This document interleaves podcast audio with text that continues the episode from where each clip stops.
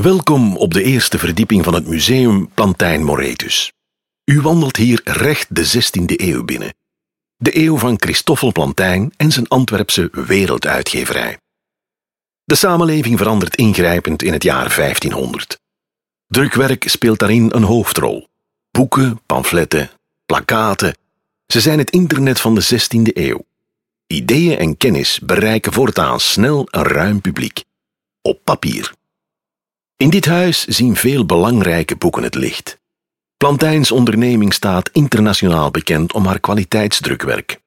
Daar maakt u hier kennis mee in vier thema's: taal, wetenschappen, mens en maatschappij en tot slot religie.